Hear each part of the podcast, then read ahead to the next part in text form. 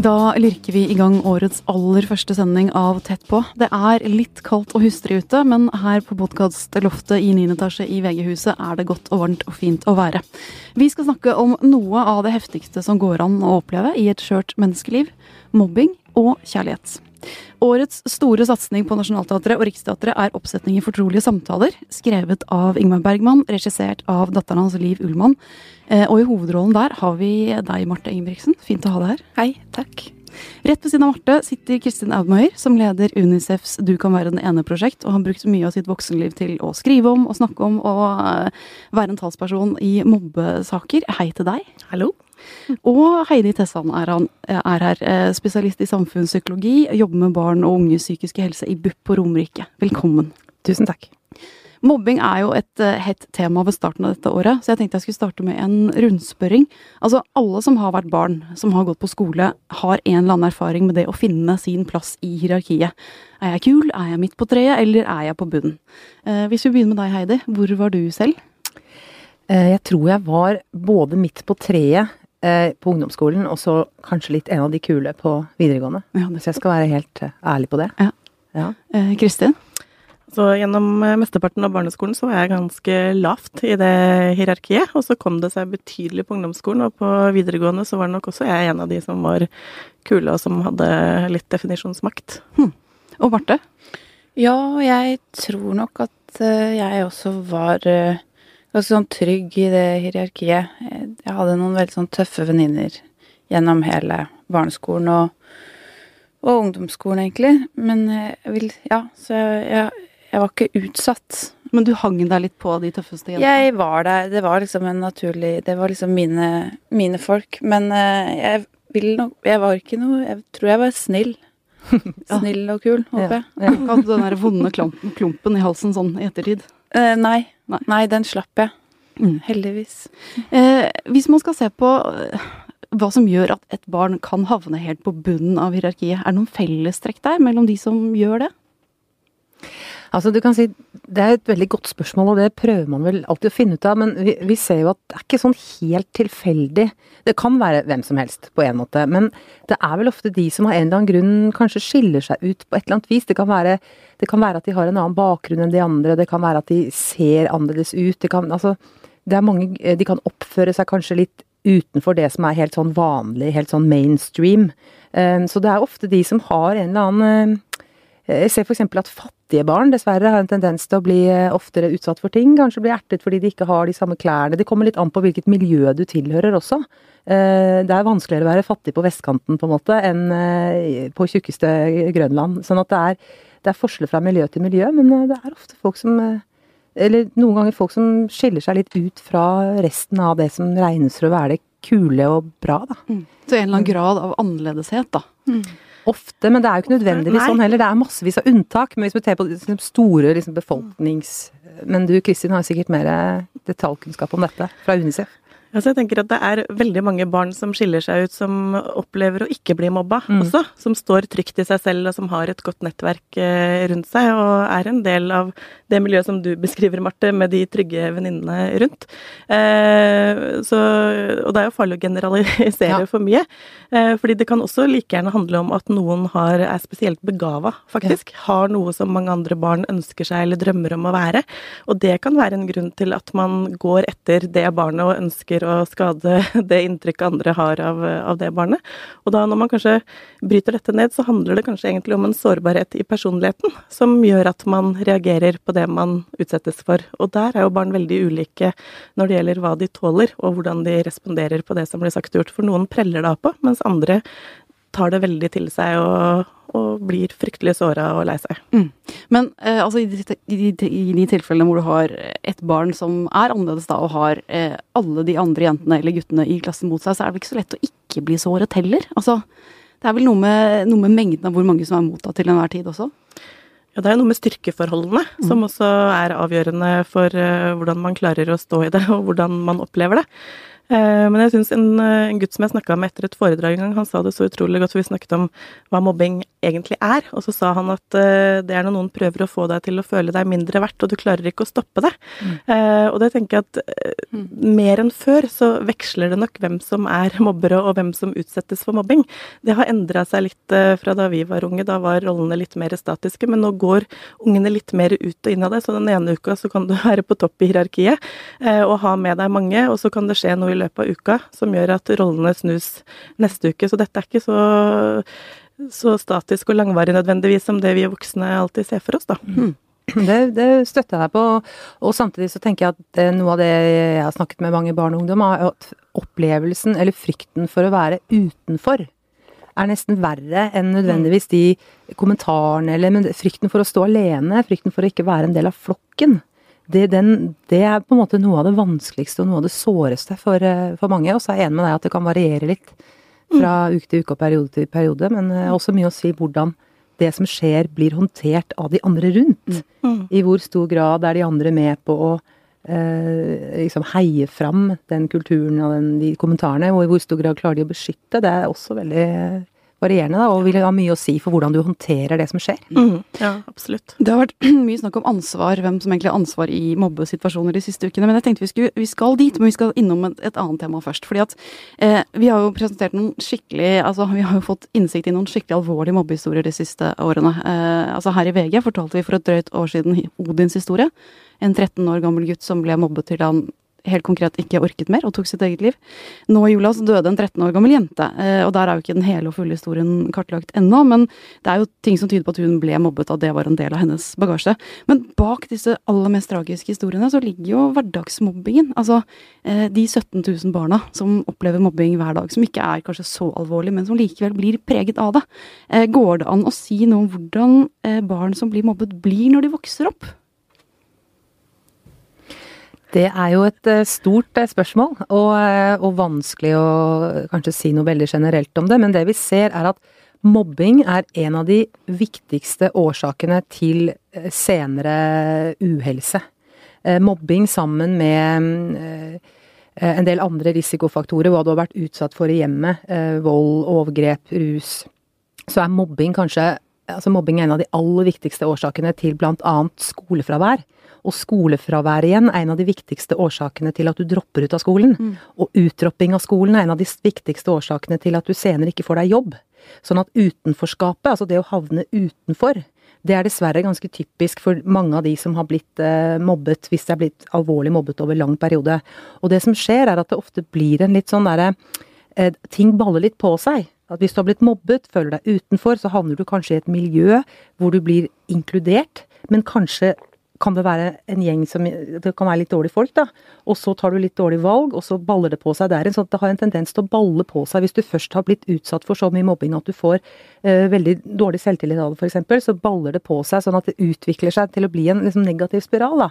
Men det er viktig å si at dette gjelder absolutt ikke alle, for det finnes mange mobbeofre som klarer seg veldig, veldig veldig godt i livet sitt. Mm. Men er du vært utsatt for alvorlig mobbing eh, mye i løpet av livet, så er det det vi kaller en risikofaktor for senere problemer. Da. Og det er jo det vi er så opptatt av å prøve å begrense det. Men det betyr ikke at mobbeofre blir tapere som voksne. Det er ikke, det er ikke noe én-til-én-forhold der. Kristin, du er jo kanskje et eksempel på nettopp det. At det går an å være et mobbeoffer og bli eh, å få et godt liv, på en måte? Absolutt. altså Det er også mitt inntrykk at det, er store variasjoner. Det er mange som får uh, store problemer seinere i livet. Uh, men det er også mange eksempler på noen som klarer å snu de erfaringene uh, og bruke den kraften det ligger i å ha med seg den bagasjen da, til noe mm. konstruktivt senere. Men da du, altså da du var liksom nede i bunnsegmentet på dette hierarkiet, hva var det du, hva var det du ble tatt for? Hva var det du ble erta for? Altså, jeg kom fra en uh, familie som var en av de første skilsmissefamiliene på det stedet hvor vi bodde, og bare det i seg selv var nok til at mange syntes at uh, vi var rare. Mm. I tillegg så hadde jeg en mor som fortsatt i 1980 var hippie, uh, som ikke helt hadde lagt av seg det. Og vi var på mange måter et vandrende sirkus, sånn som jeg opplevde det som barn. Fordi jeg merket jo at andre snakket om oss og la merke til oss, og det var ikke med et positivt fortegn. Og i tillegg så hadde jeg enormt stort, langt hår, utstående tenner, jeg hadde heklelapper på knærne fordi jeg snubla og hadde hull i alle buksene mine. Altså det var mange ting ved mitt utseende og måten vi levde på som gjorde at, uh, at det ble lett å komme med bemerkninger og latterliggjøre meg. Uh, så det fikk jeg, jeg fikk mange kommentarer på utseendet, og så handlet det også om min personlighet, at jeg var vant til å være sammen med mange voksne. Jeg var vant til å være kritisk til samfunnet rundt meg, og var nok irriterende veslevoksen, antageligvis, i en del sammenhenger. Eh, og det også gjorde at jeg fikk eh, en del negative tilbakemeldinger på, på den jeg var, fordi jeg skilte meg ut eh, fra de andre barna på den måten. Og jeg var et barn som i utgangspunktet var sårbar, og som levde i en vanskelig livssituasjon også totalt sett, så det gjorde at alt som kom min vei, det gikk eh, rett inn. Jeg hadde på en måte ikke noe eh, beskyttelse og klarte ikke å filtrere det. Men hvordan tok du det? Altså, eh, ingen beskyttelse. La du deg da på en måte ned og, tok imot det som kom, eller ble du på et eller annet tidspunkt sinna og tok igjen? Nei, jeg tok aldri igjen. Eh, ikke direkte når jeg ble utsatt for det. Jeg ble, var en sånn type som bare ble lei meg, og som prøvde å holde maska og gikk hjem og gråt masse. Eh, og tok det ut hjemme hos moren min. Eh, men samtidig så hevdet jeg meg på andre områder ved å være veldig flink på skolen, f.eks. Alltid være den som rakk opp hånda, den som kunne svare på ting. Eh, så jeg hadde liksom noen sånne områder hvor jeg var flink, eh, og hvor jeg hadde mulighet til å, å hevde meg litt. På bekostning av de andre, kanskje. Mm. Så det var min måte å overleve på. Det var å, å være flink, være opplyst, være veldig på da, i sammenhenger hvor jeg kunne vise meg fram. Marte, fra din plass sånn i utkanten av den eh, tøffe, kule jentegjengen. Eh, så dere noen andre som liksom kavet litt rundt, sånn type Kristin her? Absolutt. Uh, flere. Altså, jeg husker godt uh, en, i hvert fall tre-fire stykker som veldig tidlig fikk sånne roller i, i, på, tidlig på barneskolen. Som var de som skilte seg litt ut og, og, og, var litt annerledes. Enten det var penger, ja, faktisk. Husker det den gang. Da, på Majorstua, så var det jo fortsatt ganske eh, delt eh, Altså det var, var fortsatt arbeiderklassefolk som ikke hadde Altså fra Som hang igjen liksom fra Og som ikke hadde så mye penger. Sånn at det var noen der som var litt utsatt, som ikke hadde råd til å kjøpe bursdagspresanger og sånne ting. Um, også de som Men jeg bare tenker på det med de rollene som på en måte sementeres så tidlig ofte, da. Uh, det er jo der utfordringen ligger. For selv om ikke jeg noen gang har vært, eller i hvert fall opplever ikke at jeg har vært noen mobber, så, så er det det at man ikke, ikke gjør noe, ikke sant. Alle de, eh, sikkert 90% som ikke mobber, men som, som, ikke har det i seg og har noe ønske om å trykke andre ned, men som allikevel ikke sier noe når da noen får disse rollene og blir utsatt for ting av andre, mm. så, så, lar man det bare gå forbi i stillhet, nettopp fordi man selv er redd for det utenforskapet, da, eller å være den som, som, plutselig blir støtt ut, så lar man det bare gå forbi, og det tror jeg gjelder de aller, aller fleste, at man, at man har vært en av de som på en måte ikke tar opp kampen da, på de svakes vegne.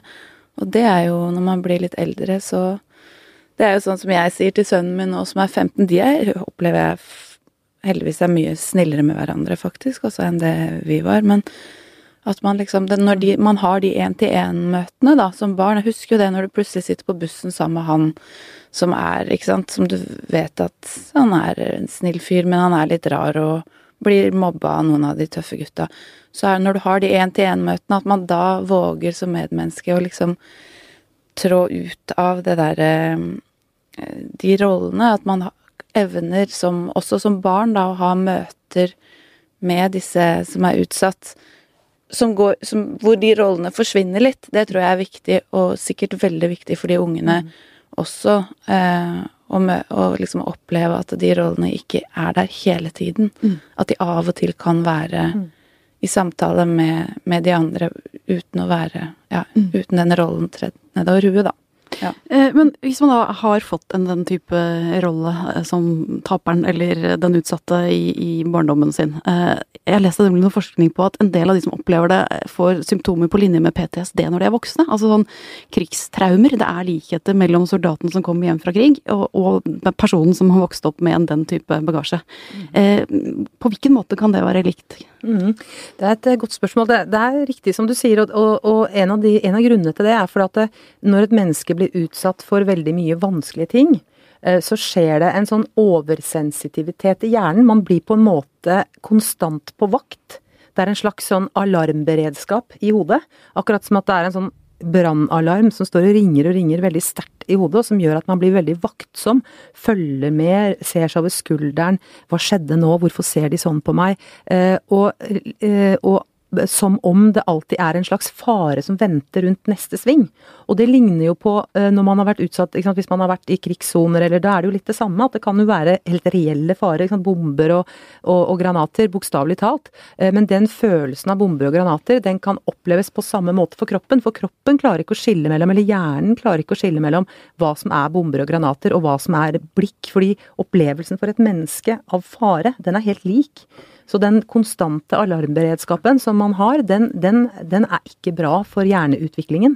Eh, Sånn at det er ikke bare skadelig for sjelen, det er skadelig for hjernen å bli utsatt for alvorlig mobbing over lang periode som, som små. Og det er helt riktig at det kan føre til alvorlige traumesymptomer som voksne. Så dette er et samfunnsproblem vi må ta på det største alvor.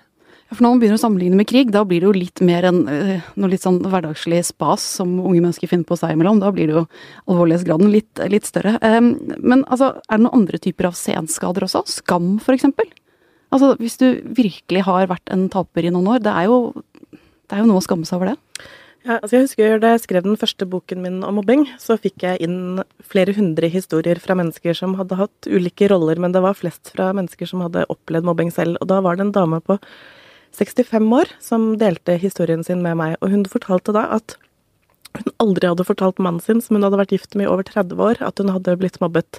Og barna hennes visste det ikke, og hun ville ikke at barnebarna heller skulle vite det. Fordi hun var fortsatt veldig skamfull over å ha vært i en situasjon hvor hun ikke klarte å beskytte seg selv som barn, og hun var redd for hvordan det kunne påvirke omgivelsenes syn på henne. At de ville tenke at hun var en svak person, eh, og at hun ikke var den de hadde liksom, opplevelse av at hun faktisk var. Eh, og det tenker jeg er et veldig sterkt uttrykk for nettopp den skammen, eh, og hvor tabubelagt det er å ha den rollen gjennom barnelivet sitt, og hvordan det også kan eh, skape begrensninger langt inn i voksenlivet, at man har opplevd det. Er det noe som det er mulig å komme over av seg selv? Kan man liksom tenke at eh, skoletiden er en kort del av livet, nå har man resten foran seg. Kan man lukke det ned i et kott og liksom stenge, lukke med låser og slåer for den, og så ferdig med det? Eller trenger man hjelp til å bearbeide den type ting? Det er igjen veldig forskjellig. Både omfanget av mobbingen, eh, i, hvor lenge det har vart, eh, hva slags, eh, kanskje noe av det viktigste, hva slags beskyttende faktorer. Altså, altså hvem som er med på å hjelpe deg til å håndtere det hjemme. Har du et godt nettverk med venner og familie og folk som kan støtte deg, så kan veldig mange klare seg veldig bra selv om de har blitt mobbet som barn. Det er ikke sånn at én gang mobbeoffer, alltid mobbeoffer. Det er ikke noe én-til-én-forhold, det er viktig å understreke. Men, men samtidig så kan det være Jeg har jo snakket med mange barn som har blitt mobbet og som da trenger profesjonell hjelp. Eh, Og det har ofte vært i situasjoner hvor enten eh, systemet rundt ikke har klart å ivareta det barnet godt nok, sånn at de har fått altfor få strategier til hvordan de skal håndtere dette. Og, og kanskje også hatt voksne som enten har ignorert eller avvist problemstillingen. Eh, Da kan de trenge hjelp, men, eh, men jeg er nok enda mer opptatt av, som vi sikkert skal komme inn etterpå, hvordan liksom systemet rundt eh, skal kunne være med på å ta dette ansvaret. For dette skal ikke ligge på enkeltpersoner. Mm. verken, og, verken mobberen, som vi også kan snakke om etterpå, som ofte er et mobbeoffer selv, og, og, og mobbeofferet er ikke liksom, Det er ikke to enkeltpersoner som skal ordne på dette. Oh ja, Dette så er mobberne er like utsatte som de som blir mobbet? Altså, det som i hvert fall er viktig å si, er at, og det har Kristin sagt godt en gang, at barn er ikke vanskelige, de har det vanskelig. Uh, og det syns jeg er et godt, uh, godt sagt av deg, Kristin, fordi i hvert fall jeg, har jeg lest at du har sagt det. Fordi, og, og, og det er fordi at det, hvis du er en alvorlig Hvis du eh, mobber folk, alvorlig mobber, og utsetter andre barn for trakassering og kanskje vold og, og sånn, så er det ofte, ikke, ikke alltid, men ofte har de barna selv blitt utsatt for ting. De kan f.eks. ha en voldelig oppvekst. Eh, og så tar de det ut på andre barn. Eh, jeg har snakket med mobbere som selv er mobbeofre, eh, fordi de har blitt banka opp hjemme, f.eks. Sånn at barn begynner ikke å plage andre barn sånn over natta. Nå skal jeg liksom plutselig bli helt jævlig og begynne å plage alle andre. Det er ikke sånn det skjer. Sånn at hvis du plager andre så mye at det er alvorlig, så har du ofte problemer selv. Så det å skille så veldig mellom hva som er mobbere og hva som er mobbeofre, akkurat som at det er to forskjellige personlighetstyper, det mm. syns jeg er en forenkling som jeg ikke liker i det hele tatt. Og det er stigmatisering også av mobberne. Mm. For vi vet, ikke, vi vet ikke hva slags bakgrunn disse mobberne har, så man skal være litt forsiktig med å bare si du er slem. Mm. Man kan gjøre slemme ting uten å være en slem person. Det Men dette her med dette, hvordan man reagerer på annerledeshet, kan barn også være liksom speilbilde av det som skjer hjemme over middagsbordet i familien? Altså hvis mamma og pappa har litt lett for å snakke litt stygt om en nabo som skiller seg ut, så gjør barna det samme ute? Mm, sannsynligheten for det øker i hvert fall. Altså selv om man oppdrar barna sine i, i aller beste ånd og lærer de om raushet og inkludering fra tidlig barnsben, så er, er, man ikke sikret at eget barn aldri kommer til å plage noen andre. Fordi det er, som Heidi også var inne på, det er mange faktorer som kan spille inn som eh, påvirker et barn til å, å plage andre. Eh, men det er klart at hvis barn vokser opp med voksne som sitter rundt middagsbordet og setter merkelapper på andre mennesker, som ved en uenighet blir særdeles usaklige, kommer med personkarakteristikker som ikke står i forhold til situasjonen osv., så, videre, så hjelper det ikke særlig mye at de samtidig sier at barna ikke får lov til å snakke stygt om andre, og at de skal leke med alle, når de samtidig ikke lever dette ut i praksis selv. Og barn trenger at det er sammenheng mellom liv og lære. Mm. Eh, og vi må være hele mennesker som går foran som gode eksempler, og da reduserer vi i hvert fall sannsynligheten for at de lever det samme ut. Mm. Marte, mm. eh, disse tre-fire som du og sikkert alle andre så mm. i din klasse og i ditt miljø, mm. eh, var det noen voksne som så dem? Var det noen som gjorde noe, eller var det bare litt sånn survival of the fittest i skolegården, dette får de ordnet Ja, det var litt sånn faktisk eh, da jeg gikk på skolen. Jeg tror ikke de ble Så vidt jeg kan huske eller vite om, så fikk ikke de noe videre hjelp av lærere eller støtteapparat rundt. Det, det, det som var den gang, var vel noe som het spesiallærer, en sånn, eller en inspektør eller noe sånt, som av og til kom når folk oppførte seg dårlig, og så ble man sittende der en time på kontoret, liksom. Men jeg tror ikke det var noe BUP eller noe, noe PPT-tjenester eller sånn inne den gang. Men Uh, nei, jeg syns bare det er veldig interessant det der med at For at det er holdning Det er jo den Jeg vil jeg jo tro, da, dere som jobber med det, at det er de der holdningene rundt det som, som, er alle oss som kanskje da ikke var mobberne, eller at man får med seg disse holdningene, at det blir snakket om hjemme, at man går foran som gode eksempler, og at lærere i dag, det vet jeg jo, er jo skolen håndterer jo dette her, i hvert fall er det min erfaring gjennom mitt barn at eh, det er, det er, snakket om, det er satt ord på alle de som ikke er verken mobbet eller mobbere, vet hvordan å håndtere og har liksom noen, noen ting er sagt om hvordan man skal eh, ja, ta stilling til det, da. Ja, det er mye sånn bli med-dans og bli med-sang og mye, mye, sånn verbalisert. Jeg har barn i barneskolen, og de, jo, de, snakker jo om det på en helt annen måte enn vi gjorde. Men ja. mm. likevel så kommer jo disse historiene, så eh, det kan jo virke som om ikke alle er like flinke likevel, mm. da. Eh, og da er vi over på ansvaret. Eh, det har jo blitt foreslått mye forskjellig de siste ukene. Altså rektor må ta sin hatt og gå, lærere må ta sin hatt og gå, mobbere skal skifte skole, mobbeofre skal skifte skole.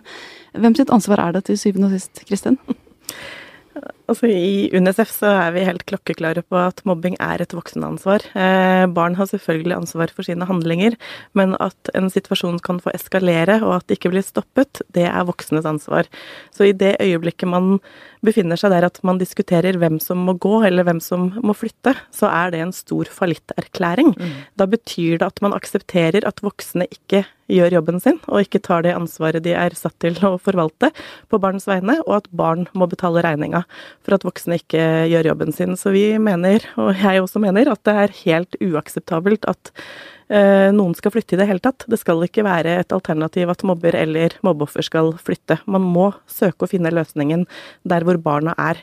Og dette handler om å ivareta barns grunnleggende rettigheter, og at man i Norge ikke har lov til å bruke unntak fra, fra deres rettigheter som straff. Fordi det er jo det folk roper etter nå, at vi må ha kraftige løsninger. ikke sant? Det må inn med hard skyts, det må få konsekvenser. Og så glemmer man at barn først og fremst er barn, ikke de rollene de har en periode av livet sitt. Og det er veldig alvorlig når eh, diskusjonen løftes til det nivå. Da mister man helt perspektivet på hva dette egentlig handler om. Eh, helt til slutt, eh, hvis man kjenner et barn, eller har et barn som er et eller annet tydelig utsatt sted i dette hierarkiet, enten på toppen eller på bunnen, hva gjør det for å hjelpe barnet ditt hvis du ser at det blir mobbet, Heidi? Det aller viktigste er jo, som du nettopp sa, at man må snakke om det. Man må ikke bare snu seg rundt og tenke at dette går over. Man må snakke med barnet sitt, høre hva er det som har skjedd. Kontakte også lærere, skolen, få flere til å involvere seg, og eventuelt eh, snakke med foreldrene til de, det barnet det gjelder. Det kan som sagt hende at det barnet selv ikke har det bra.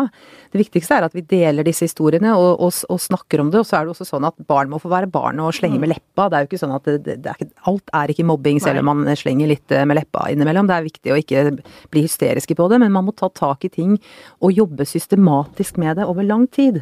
Det er det som er viktig, at man må jobbe systematisk med holdningsarbeid både i hjemmene og på skolen. og det er et felles ansvar vi som samfunn har. Vi kan ikke la det være opp til enkeltelever å gjøre noe med dette.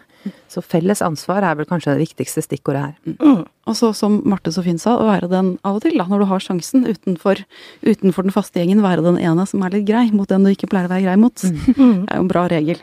Eh, Marte, vi skal over til deg og fortrolige samtaler. Eh, den tryggheten som du hadde med deg fra den kule jentegjengen, gjorde det det litt lettere å ta steget over på den store scenen og bli skuespiller og stå i rampelyset, tror du? Ja, si det. Uh, nei, jeg vet ikke. Det er vel noe sånn Man er født, født litt forskjellig. Jeg har aldri vært sånn plaga av nervøsitet, tror jeg. Det er klart, jeg kan jo gi noe av kreden for det til min mor og far, men jeg har jo hatt min My share of drama, som de sier. Nei da, jeg, jeg er ikke så plaga med nerver, rett og slett, sånn i, i min natur. Men det er klart man er nervøs for en sånn, foran en premiere, men ikke på en sånn destruktiv måte. Nei. Nei. For jeg var jo på den premieren på Fortrolige samtaler, og da er du, du er på scenen nesten hele tiden. Mm. Enten i en sånn uh, hvit florlett kjole, eller i hvit underkjole, eller til og med et øyeblikk helt sånn kliss naken. Ja. Uh, det må jo kjennes veldig sårbart også, med alle de øynene på deg. Ja, det er det. Uh, det er det helt opplagt, og det er en stund der hvor man kjenner seg Altså sånn når vi prøver på det og sånn, og plutselig man får bevissthet om at her skal jeg stå um, i to timer, så så er det ganske sårbart. Men, eh, men så har jeg jo valgt det, da, på en måte. Så det er jo det man må si til seg selv, at det var jo Man har valgt det, og man har valgt å ønske å fortelle den historien, og da må man jo liksom stå i det som kreves. Mm. Men det er sårbart, det er klart. Hvem er det, altså Hvis man så seg rundt i salen og i pausen der, hvem som var der? Det var jo alt som kunne krype og gå av norsk kulturliv. Eh, masse skuespillerkolleger av deg, sikkert venner og familie òg. Ja. Hvem er du mest eh, Eh, hvilke responser betyr mest for deg? Er det teaterkritikeren, eller er det kollegaen, eller er det eh, Det er eh, de som jeg er mest glad i. Mm. Som er søstera mi og de som kjenner meg best, liksom. Venninner og mamma og pappa. Som hvis de Hvis det treffer dem Nå er jo de er jo glad i meg uansett, men det er vel de jeg kan få de mest ærlige, umiddelbare responsene fra. Og hvis jeg ser at de er skikkelig stolte, så veit jeg at, at jeg har liksom fortalt historien med hjertet mitt, da. Mm. Ja. ja. for det er jo en historie som krever hjerte. Altså Anna som spiller er vel noe sånn som 35 år når ja. historien starter. Hvor er vi sånn i tid? Eh, 1920. Nettopp. Ja, eh, ja 1925-ish. Så det er eh, det er en helt annen tid. Eh, både i forhold til eh, ekteskap og hvor religionen, hvordan religionen står og mm. Mm. For hun er da gift med Henrik og har to barn med han, eh, men den ekteskapelige lykken er ikke sånn kjempestor, i hvert fall ikke fra hennes side. Og så møter hun Thomas, som er ung og student og flink til å synge og kjekk og snill med barna hennes og i det hele tatt. Ja. Ikke bare blir hun forelsket, men hun, og ikke bare har hun sidesprang, hun føler at dette er kjærligheten. Ja, det er eh, Men som sagt, altså jeg vet ikke, jeg tror vel det er vel de færreste Jo, selvfølgelig kan man forelske seg sånn fra, som lyd fra klar himmel, men det er jo ofte en slags vei ut fra en låst situasjon når sånne utroskapshistorier skjer, vil jeg tro, da. Sånn at for Annas del, slik jeg leser det, så er det på en måte et, et, noe som får henne til å puste igjen etter veldig mange år i et ulykkelig ekteskap, da. Så jeg tror aldri det er sånn at det kunne bli de to, eller at hun egentlig har noe håp om det, men at det er mer veien ut, da. Um, kanskje, eller ja. Mm. Eh, og hun betror seg jo til pastoren, og ber pastoren om råd på starten der, og han sier du må si sannheten. Mm. Du må liksom gå til Henrik, mannen din, og fortelle om dette. Og det er jo et veldig skummelt råd, fordi at mm. plutselig så kan jo alt da bære eller briste. Og Henrik tar det jo ikke spesielt pent. Nei, det brister heller enn det bærer, vil jeg påstå. Så han tar det ikke pent. Han, han blir syk, rett og slett. Øh, og øh, Ja. Nei, sannheten. Er det alltid riktig? Og hva er sannheten, og for hvem? Mm. Uh, så i Annas tilfelle så blir det jo Fører det til uh, Ja, det får veldig alvorlige konsekvenser. Men han snakker jo også om sannheten i forhold til religion, da, i forhold til sin Guds sannhet. Slik at han svikter jo henne, eller det mener jeg at Bergman på en måte sier, at han svikter henne jo i den forstand at han eh, ikke ser hva hun trenger for Presten, altså, sannhet altså. for å leve sitt eget liv, da. Mm, nettopp. Mm. Eh, Vi har jo en psykolog i studio. Eh, Det der med å fortelle sannheten alltid. Hvor, eh, hvor risikabelt er det?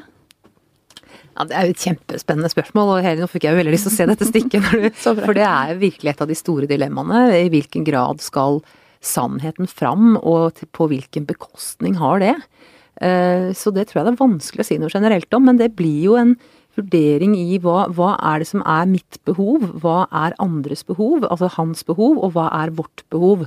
Det kan være tre forskjellige behov, og hvis man ønsker å bevare vi-et, så kan det hende at sannheten ikke nødvendigvis alltid skal fram. Men hvis jeget blir nedtrykket av vi-et på en sånn måte at det ikke går an å leve med seg selv, så må man kanskje eh, fortelle en sannhet eller gå ut. Men det er en grunn til at hvite løgner altså det, det, det er ikke alltid så dumt å tenke seg om et par ganger før man liksom bretter ut le- fra levra, for det kan gjøre stor skade. Og man kan også angre, ikke sant. Plutselig dagen etterpå så føler man det ikke sånn allikevel. Og her er det jo ikke grenser for sannhet, da. Det er, jo, det, det er jo detaljer. Eh, mer seksuell glede med ham eller ikke, jeg må ha svar. Får svar på det. Det er jo liksom ja, Ja. så detaljert sannhet òg at det gjør jo helt sånn forferdelig vondt også Ja, for Hun går jo helt inn i den renselsessannheten da, som vi tenker på i sånn kristen Ja. for- forstand. Altså at hun virkelig skal liksom Alt skal frem. Både i kanskje et forsøk på å ja, nettopp slippe ut, men også i en sånn form for at den ballen bare begynner å rulle, så da skal plutselig alt sies. Alt skal frem for at man skal liksom komme inn til den derre ja, nesten renselsen til slutt, da. Ja. Sånn at eh, ja.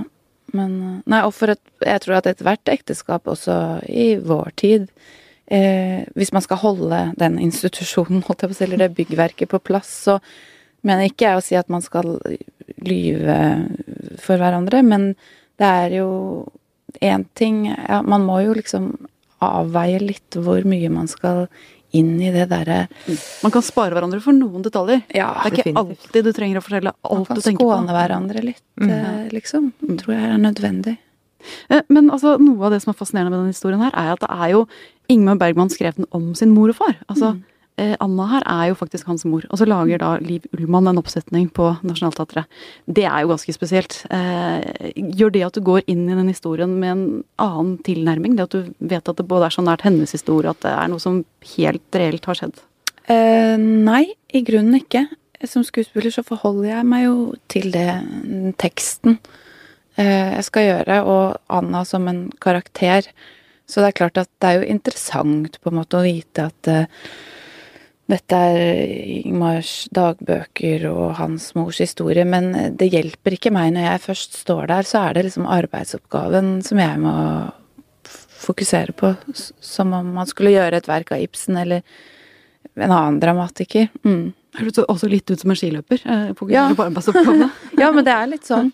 Kan ikke tenke så mye på det rundt, for det, det blir liksom bare støy.